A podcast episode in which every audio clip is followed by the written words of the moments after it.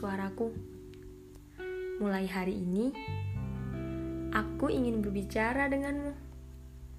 Berbicara dengan riuh tentang berbagai hal yang memaksaku untuk diam. Iya, diam.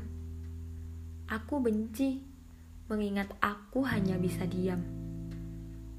Hanya diam, satu-satunya hal yang bisa kulakukan ketika aku tahu jika aku berbicara, mungkin aku akan menyakiti seseorang, atau bahkan mungkin aku akan menyakiti diriku sendiri atas ekspektasi yang ku dapat nantinya. Jadi, di sinilah aku akan meriuh dalam diamku.